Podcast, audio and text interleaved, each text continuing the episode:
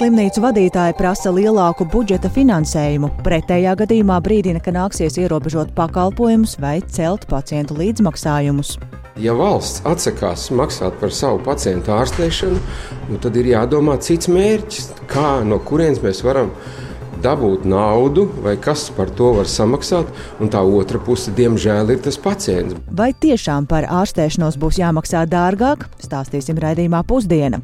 Būs arī reportāža no Ulbrakas, kur devusies ceļā pirmā par ziedojumiem savāktā militārā krava ar Latvijā ražotu ekipējumu un tehniku. Un sazināsimies ar Daugaupili, lai uzzinātu jaunāko par iespējamo krāpšanos ar Eiropas Savienības naudu Daugopils Universitātē. Par to visu jau pēc brīža pusdienā.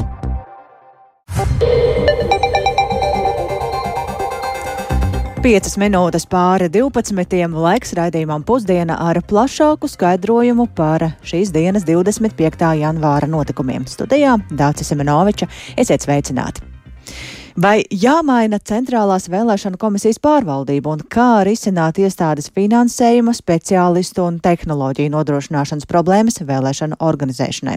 Par šiem jautājumiem Sāimas juridiskās komisijas sēdē šodien izteicās centrālās vēlēšana komisijas nākamā sastāvā kandidāti, par kuru apstiprināšanu drīzumā balsos Sāima, un to, kāds ir viņu redzējums, vairāk zina stāstīt kolēģis Jānis Kīncis, un viņš šobrīd ir ieradies studijās. Sveiks, Jāni! Past pastāsti, kas izvirzīta darbam Centrālajā vēlēšana komisijā un kas būs viņu lielākie izaicinājumi.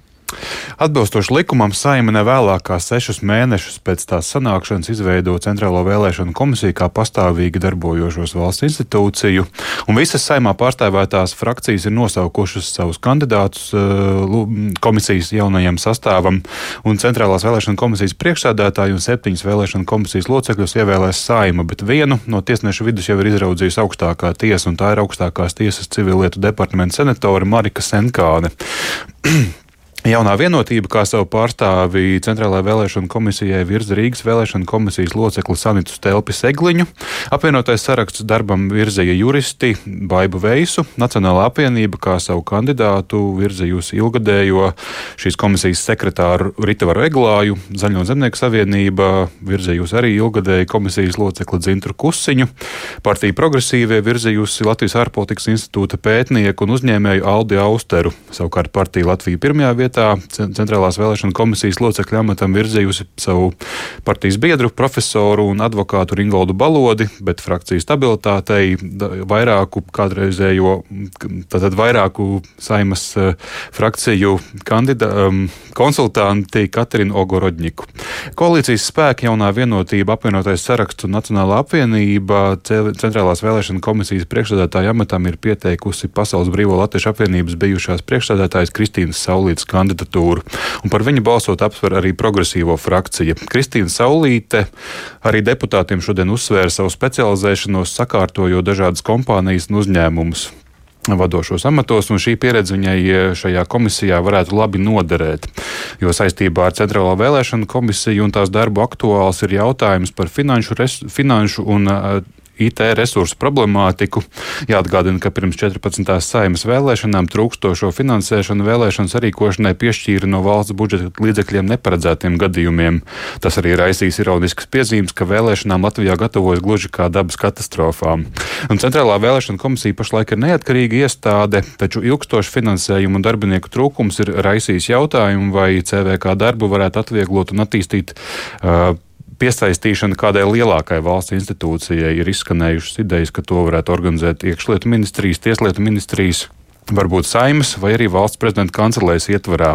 Savukārt valsts pārvaldes un pašvaldības komisijas sēdē ir izskanējusi versija, ka atbildi, atbildību par vēlēšanu rīkošanai nepieciešamo tehnoloģiju uzturēšanu varētu uzņemties valsts reģionālās attīstības aģentūra. Ilgadējais CVK sekretārs Ritvars Eglājs šo CVK institucionālās piedarības uh, maiņu vērtēja šādi. Varam paklausīties. Nebūtu vēlams, ja centrālā vēlēšana komisija būtu kādā vietā, kas vai nu ir politiski eh, ietekmējama, vai, vai tā izskatās. Eh, nebūtu labi, ja centrālā vēlēšana komisija būtu piemēram kādas ministrijas paspārnē vai arī valsts kancelēs. Piemēram. Tas virziens, kas varētu būt attīstāms, kā centrālās vēlēšana komisijas varētu palikt kā šaura iestāde, kas nodarbojas ar vēlēšanu rīkošanas pašu procesu un vēlēšanu politikas lietām. Savukārt, atbalsta funkcijas un eh, varbūt tieši eh, arī nu, IT, IT risinājumu un, un IT sistēmas var apkalpot arī kāda cita iestāde. Attiecībā uz saistīšanos ar saimu šis būtu izvērtējums pēc liederības. Lēmumu par Centrālās vēlēšana komisijas darbu organizēšana nākotnē būs komisijas viens no lielajiem pirmajiem arī jautājumiem un uzdevumiem. Juridiskās komisijas deputātus interesēja arī jautājums par iespējām vēlēšanas organizēt internetā, kā piemēram minot eh, elektroniskās vēlēšanas Igaunijā jau kopš 2005. gada. Viedokļi par to ieviešanu Latvijā atšķiras arī nākamajiem centrālās vēlēšana komisijas locekļiem, jo ne, ne, nenoliedzot to, ka tas varētu veicināt aktivitāti vēlēšanās, gadiem ilgi aktuāls bijis jautājums, vai šādi šādas vēlēšanas organizēt būtu droši. Tāpēc, piemēram, Aldis Austers atzina, ka e, elektroniskās vēlēšanas varētu ieviest kā papildu iespēju pārliecinoties par šo balsojumu drošumu, taču pamatā vēlēšanas tik un tā jārīko iecirkņos ar vēlēšanu zīmēm. Saimnes juridiskā komisija šodien balsoja par visu locekļu un nākamās vadītājas kandidatūru virzīšanu apstiprināšanai saimā, un šis balsojums ir sagaidāms drīzumā, visticamāk, nākamnedēļ. Paldies Jānim Kinsim. Tātad pietiekami daudz vēl neskaidrību par to, kā turpmāk tiks organizētas vēlēšanas, un daudz neskaidrības arī par to, vēl kādā citā lietā. Mēs turpinām sekot skandālam Daugaupils universitātē, kur ir aizdomas par iespējamo krāpšanos ar Eiropas Savienības sociālā fonda līdzekļiem 600 tūkstoši eiro apmērā. Valsts policija sadarbībā ar Eiropas prokuratūru vakar tur veikusi procesuālās darbības. Ir zināms, ka viens no aizdomās turamajiem ir universitātes rektors vietnieks attīstības jautājumos Jānis Kudiņš. Un šajā brīdī esam sazinājušies ar Latvijas radio Latgales studijas korespondentu referenti Silviju Smagari, kura seko līdzi notikuma attīstībai. Sveika, Silvija, kādi šodien ir jaunumi? Sveicināti, no nu, jāsāk ar pašu Dāngāpus universitāti. Um, uz šo mirkli tāpat kā vakar pēcpusdienā svaigāka informācija par šo Eiropas prokuratūras uzsākto procesuālo pārbaudi lietā, kas ir krāpšanās ar Eiropas Savienības sociālā fonda līdzekļiem vairāk nekā pusmiljonu eiro apmērā, joprojām nav. To rītā radio apliecina augstskolas rektora Irēna Kokina. Augstskolas mājaslapā vien ir publikācija, ka uz doto brīdi nav saņemta nekāda oficiāla informācija par notiekošo, taču augstskola un tās darbinieki apliecina, ka gatavi sadarboties ar valsts varas iestādēm un sniegt nepieciešamo informāciju. Tas, ko man šo mirkli izdevies noskaidrot un arī apstiprināt, ka galvenais figurants prokuratūras un policijas uzsāktajās pārbaudēs šajā lietā ir Dāngāpas universitātes rektoras vietnieks attīstības jautājumos un universitātes padomes loceklis Jānis Kudiņš. Eh, viņš ir bijis arī iepriekšējā sasaukumā mm, Dāngāpus novada domas deputāts. Šajā lietā aizturētas vēl divas privātpersonas. Tātad uz šo mirkli šajā lietā, kas visticamāk būs ļoti apjomīga, aizturēto personu skaits kopš vakardienas ir mainījies. Un plašāk tad ar jaunāko informāciju Latvijas rādio dalās Eiropas prokuratūras prokurors Gatis Doniks notiek aktīva izmeklēšana, un, un tā informācija, kas ir izskanējusi publiski, faktiski arī norāda to personālu loku, ar kuru mēs strādājam un veicam izmeklēšanas darbības. Un mums ir aizturētās personas, uz doto brīdi personu skaits ir mainījies, ir trīs aizturētās personas, vakardien bija četras un ar viņām notiek patreiz aktīvs procesuālais darbs. Tās ir dažādas privātas personas, kas ir saistītas ar projektu realizāciju. Uzvārdus patreiz neminēšu. Notiek pirmstiesas izmeklēšana, un, protams, tā ir plānota pirmstiesas izmeklēšana, un darbs būs apjomīgs, ņemot vērā to, ka ir izņemts iespaidīgs informācijas apjoms, datu nesēja, tas viss ir procesuāli jāapskata, jāanalizē. Ir vairāk projekti, ir vismaz trīs projekti kas ir realizēti Daugavpils universitātē. Laika posms ir 2018. sākot līdz 2022. Un ievērojot to kapacitāti, es varu prognozēt, ka tā izmeklēšana noteikti ilgs vairāk nekā gadu. Noteikti, kad lietā parādīsies apsūdzības, tad arī sabiedrība tiks par to plašāk informēta. Jau stāstījām, ka vakar izglītības zinātnes ministrija saistībā izskanējuši informāciju par iespējamo krāpšanos ir sasaukusi vadības sanāksmi. Ministrijas ieskatā nav bijusi pietiekama uzraudzība no Daugāpus universitātes padomes puses, un ministrija pieprasīja Daugāpus šai universitātes padomē nekavējoties sniegt paskaidrojumus. Līdz šim, kāpēc ne ministrijā, paskaidrojums vēl nav saņemts un to ministrijā skaidro informācijas trūkumu no drošības instancēm, jo saprotams, ka izmeklēšanas nolūkos liela daļa šīs informācijas ir slēgta. Taču esmu noskaidrojusi, ka šo pēcpusdienu tiek sasaukta Dāngāpils universitātes padomes sēde, un iespējams tad arī taps šīs paskaidrojuma teksts. Tātad uz šo mirkli zināms, ka šajā krimināla procesā aizturētas trīs personas, runājot par trim Dāngāpils universitātes realizētajiem Eiropas Savienības projektiem un par šādu krāpšanas noziegumu, kāds iezīmēts šajā lietā, drauda līdz pat desmit gadiem ilgs ieslodzījums. Paldies, Silvija, par tavu skaidrojumu un jaunāko informāciju. Tātad mēs turpināsim sekot līdzi un Tātad, kā dzirdējām, izglītības ministrija vēl paskaidrojumus no Daugopils universitātes nav saņēmusi, un izmeklēšana šajā lietā varētu ilgt vairāk nekā gadu. Bet vai pacientiem slimnīcās var nākties maksāt um, vairāk par ārstēšanos? Par to šorīt um, Latvijas slimnīcu vadītājs sprieda ar veselības ministru Līgu Meņģelsoni. Ārstniecības iestāžu vadītāji ir noraizējušies, ka šogad piešķirts ievērojami mazāks finansējums nekā nepieciešams, turklāt nesot ņemta vērā inflācija, kas veselības aprūpē pret iepriekšējo gadu tā tad ir ievērojama. Vēl pirms šīs tikšanās slimnīcu biedrības vadītājs Jevgenijs Kalējs Latvijas radio atzina, ka daudz problēmu pēdējo gadu laikā nesot risināts, tādēļ cer uz jaunās ministrs atsaucību. Pretējā gadījumā varot nākties samazināt pacientu skaitu slimnīcās, arī sniedzamo pakalpojumu apjomu vai arī pat palielināt pacientu līdzmaksājumus. Paklausīsimies Kalēja teiktajā.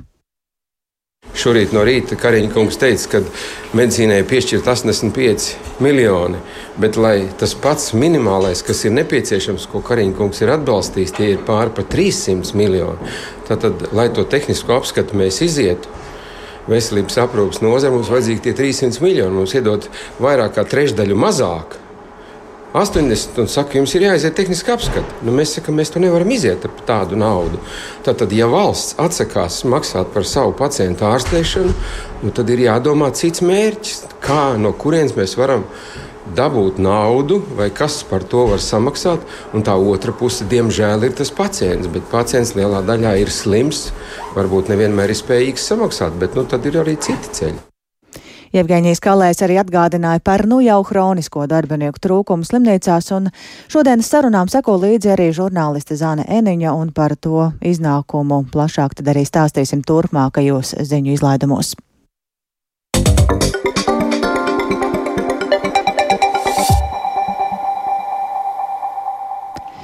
Šodien uz Ukrainu ceļo pirmā militārā krava ar Latvijā ražotu militāro ekipējumu un tehniku, un naudu šim mērķim ir iegūta ziedot LV kampaņā labas ziņas. Divu mēnešu laikā ir saziedots nepilns pusmiljons eiro. Tāpēc man šobrīd studijā pievienojas kolēģi Līna Spundiņa, kura tikko ir atgriezusies no Ulbrakas, kur notika šim notikumam veltīts pasākums. Sveika, Linda! Kāda militārā tehnika par ziedotāju naudu tad ceļos uz Ukrainu? Sveika, Dārts! Labdien, klausītāji! Jā, nu pat eh, atgriezos no pasākuma, kur varēja vērot jau, kā sabiedrības ziedojumi pārtapuši reālā praktiskā palīdzībā. Šīs akcijas laikā, kā jau minēti, ir tikai divi mēneši saziedoti vairāk nekā 400 tūkstoši eiro. Par šo naudu iegādāta Latvijā ražota tehnika, kas šodien sāk ceļu uz Ukrainu. Šajā kravā ir deviņi pārbūvēti kvadrcikli ar kaujas platformām un četri militārie skrēriteņi. Akcija labas ziņas vēl turpinās, un labās ziņas ir tādas, ka arī iedzīvotāju atsaucību un vēlmu palīdzēt Ukrainai neapsīkst. To norādīja Ziedot LV vadītāja Rūta Dimanta. Mēs esam nosūtījuši ļoti daudz militārās kravas, bet eh, lielākā daļa tie bija no ārzemēm pasūtīta droni, dažādas nakts redzamības brilles, bet šī ir tāda pilnīgi tīra Latvijas ražojuma. Un eh, mēs ceram arī nosūtīt tad eh, nākotnē Fox čipus, kas ir mašīnas, un skatīties vēl uz tām lietām, ko šeit ražot. Pirmais sūtījums ir 323 tūkstoši vērtībām, saziedots ir vairāk kā 400 tūkstoši jau tā kā mēs turpināsim un aicinām iedzīvotājus, kas grib palīdzēt Ukrainai, ziedot LV mājaslapā, var izvērtēties mērķi, kam tie tieši palīdzēt. Jā, un iedzīvotāju ziedošana ir liela. 11 mēnešu laikā kopumā Latvijas iedzīvotāji saziedojuši Ukrainai 16,5 miljonus eiro un 8 miljonu eiro saziedot militārajām vajadzībām. Tātad gribam palīdzēt, bet kas ir tas, kas Ukrainai visvairāk ir nepieciešams un kā tā mūsu palīdzība tīri praktiski varēs noderēt? Mm, patiesībā jebkura palīdzība ir nepieciešama un jebkurš atbalsts ir nepieciešams. Tieši šajā ziedojumā ko mēs sūtam Ukrainai, ir militārie skrējēji, ko es minēju, šie deviņi, un tiem ir raksturīga augsta bezceļu caurbraucamība, un maksimālais sasniedzamais ātrums ir 100 km/h, un ar vienu uzlādi var nobraukt līdz pat 300 km. Raksturošos skrējējiņus tie ir līdzīgi varbūt vizuāli tiem, ko mēs sastopam uz ielas, kas, kas ir pieejami visiem iedzīvotājiem, taču šie militārie skrējēji ir daudz lielāki un tās vajadzības ir, protams, protams, daudz plašākas, un militārais skūteris īpaši noderīgs Ukraiņas izlūkiem un specvienībām. Savukārt minētie kvadrcikli un konstruktoru tipa militārās platformas uz riteņiem nodara dažādām misijām, gan ievainoto evakuācijai, mīnmetēju un to munīciju pārvedāšanai, protams, arī degvielas piegāžu veikšanai un citiem nolūkiem. Šo tehniku jau šobrīd izmanto Ukraiņas karavīri, jau 80 vienības kvadrciklu ir viņu rīcībā, un jau ir saņemtas arī pirmās atsauksmes un ražotāji to ņem vērā un tad veic arī uzlabojumus. Jāteic, ka no šiem ziedojumiem iegūms ir arī mums pašiem, un to norādīja arī Raimons Graubi, bijušais Latvijas Nacionālo bruņoto spēku komandieris. Beigās mēs ar kaut ko varam piegādāt Ukrāņiem, kas ražot šeit, tad arī nodokļi paliek, visi ienākumi paliek Latvijā. Mēs dodot uz frontes līniju šīs sistēmas, arī citas vēl, kas būs nākotnē, arī dronus un tā tālāk. Mēs testēsim, testējam reālā kaujas darbībā, un es zinu par šiem skūteriem, Ukrāņiem, ja viņi ir, un ir atsauksmes, tad tas garantē to, ka var uzlaboties, eh, nu, kaut ko uzlabojumu var tikt veikti. Vai arī kā labāk izmantot, var rasties padoms, jo kas mums no Ukrāņiem ir jāmācās, ir jāmācās, kādā veidā aizstāvēt šo valsti arī tehniski un taktiski, ne jau tikai morāli. Respektīvi, tas ir ļoti svarīgi, kad mēs uzzinām, kas varbūt jāuzlabo un kā labāk viņus izmantot. Jā, tā tad eh, mēs paši attīstam eh, savu tehniku, un eh, tā tiešām ir arī frontes līnijās savā, savā darbībā izmantojama. Un šis, šī krāva ir arī tāds kā sveiciens Ukrainas prezidentam Volodimiram Zelenskim dzimšanas dienā, viņam šodien ir svētki. Un militārais atbalsts tieši no Latvijas kopā jau ir sasniedzis vairāk nekā 370 miljonus eiro. Jā, un arī šī palīdzība jau, jau ir ceļā uz Ukrainas, saprotiet? Ja? Jā, tā ir kopējais apmērs, ko jau valsts ir. Jā, jā, jā, bet šī palīdzība, ko, ko tikko stāstīja mūsu ražotā, tā ir ceļā jau. Jā. Paldies, Linda, tik tā Linda Spundiņa. Tas ir par mūsu atbalstu, bet runājot par citu valstu atbalstu, pēc vairāku mēnešu vilcināšanās ASV un Vācija esot gatavas piešķirt Ukrainai savus modernākos tankus, kas varētu palīdzēt Ukraiņiem atgūt Krievijas okupētās teritorijas. Vašingtona un Berlīna par to vēl nav oficiāli paziņojušas, tomēr ir sagaidāms, ka tas notiks tuvākajā laikā. Taču paies vēl vairāki mēneši līdz brīdim, kad šie tanki tiešām arī nonāks frontē. Par to plašāk Ulda Ķesbera ierakstā. ASV prezidenta Džo Baidena administrācija iespējams jau šodien paziņos par lēmumu piešķirt Ukrainai kaujas tankus Abrams, atsaucoties uz avotiem Baltajā namā vēsta mediji. Sākotnēji amerikāņi varētu piegādāt Ukraiņiem no 30 līdz pat 150 tankiem. Savukārt Vācijas kanclers Olafs Šolts esot nolēmis piešķirt Ukrainai 14 tankus Leopard, kā arī neliks šķēršļus citām valstīm, kas nolēms piegādāt Ukrainai vācu tankus. ASV Senāta bruņoto spēku komitejas loceklis no Demokrātu partijas Ričards Blumentāls uzskata, ka Abrams un Leopard tanku piešķiršana Ukrainai būtu ļoti nozīmīga ne tikai militāri, bet arī politiski. Tanki ir nozīmīgi, lai parādītu Putinam, ka viņam neizdosies sašķelt sabiedrotos, kas ir bijis viņa ilgtermiņa mērķis. Karš ir izšķirošā fāzē. Šis ir maksimāli bīstams laiks, bet vienlaikus tas sniedz arī milzīgu iespēju. Nav vārdos izsakāms, cik svarīgs ir laiks. Mēs no šīs pieredzes varam gūt lielu mācību. Mēs Ukraiņiem esam piešķīruši visu, ko viņi ir lūguši, bet bieži tas ir noticis ar kavēšanos. Militārie eksperti prognozē, ka Leopard tanki frontē Ukrainā varētu parādīties tuvāko divu vai trīs mēnešu laikā, jo šie tanki ir vairāku NATO dalību valstu un partneru valstu bruņojumā, tāpēc tos varētu ātrāk nogādāt Ukrainā. Leopardi ir pieejamāki, jo šos tankus darbina ar dīzeļdegvielu un tos ir vienkāršāk remontēt un uzturēt.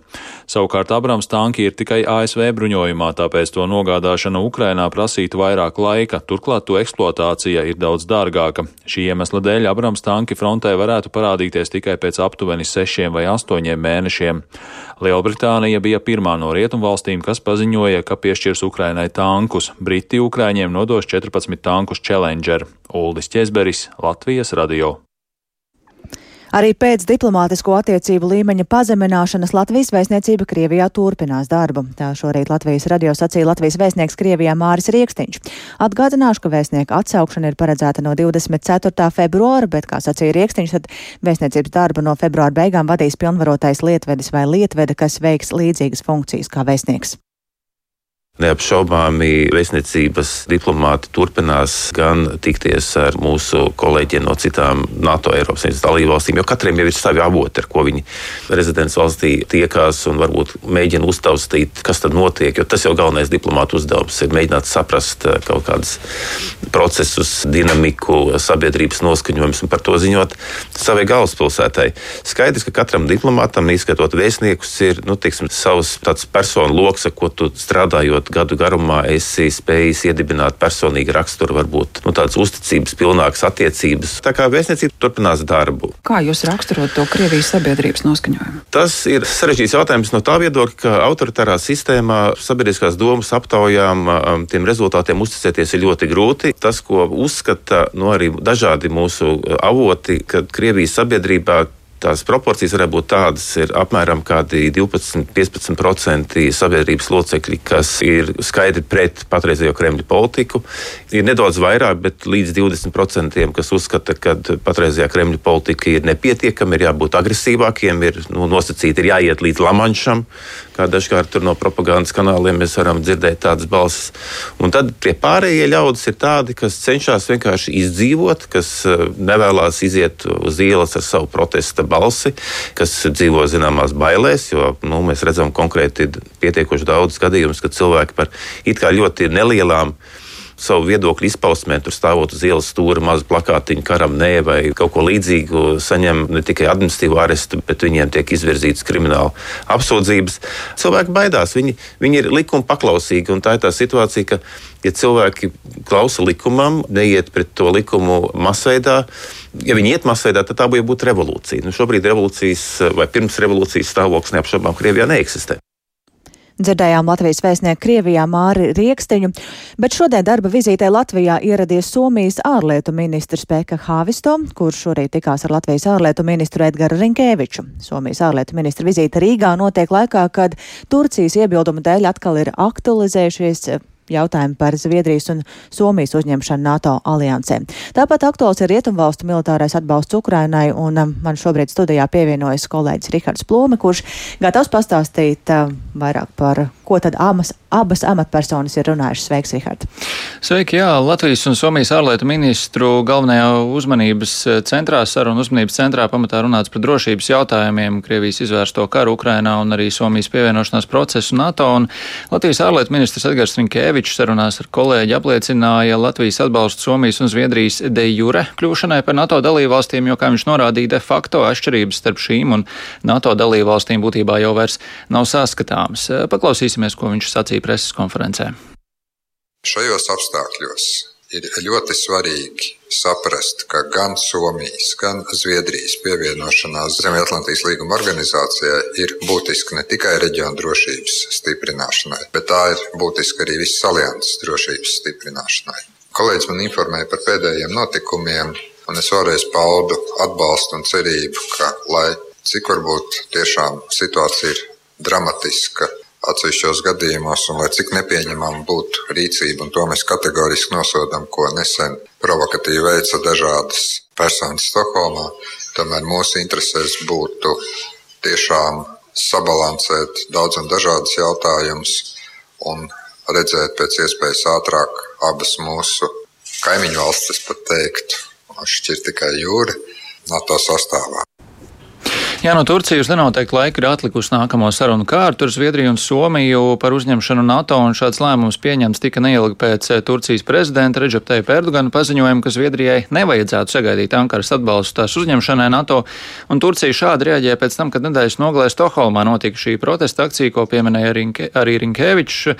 Tās laikā labējais ekstrēmists eh, pie Turcijas vēstniecības sadedzināja Korānu, un Rinkevičs norādīja, ka Zviedrijas un Somijas pievienošanās procesā ir novērojamas acīm redzamas provokācijas provokācijas, lai novilcinātu iestāšanās procesu. Viņš arī pauda domas par to, ka aiz šīm provokācijām var stāvēt ne tikai konkrēti individa vēlme novilcināt šo procesu, bet arī kādas trešās valstis. Un Somijas ārlietu ministrs savukārt pateicās tām NATO dalību valstīm, tostarp Latvijai, kuras jau atbalstījušas Somijas un Zviedrijas uzņemšanu aliansē, un piebilda, ka tagad viss ir Ungārijas un e, Turcijas e, rokās. Viņš arī pauda viedokli, ka incidents Stokholmā kavē šobrīd uzņemšanas procesu, bet pauda cerību, ka līdz NATO samitam Viļņā abu valstu uzņemšana NATO tomēr aliansē e, notiks. Lūk, viņa teiktē. There's been some hiccups on our way with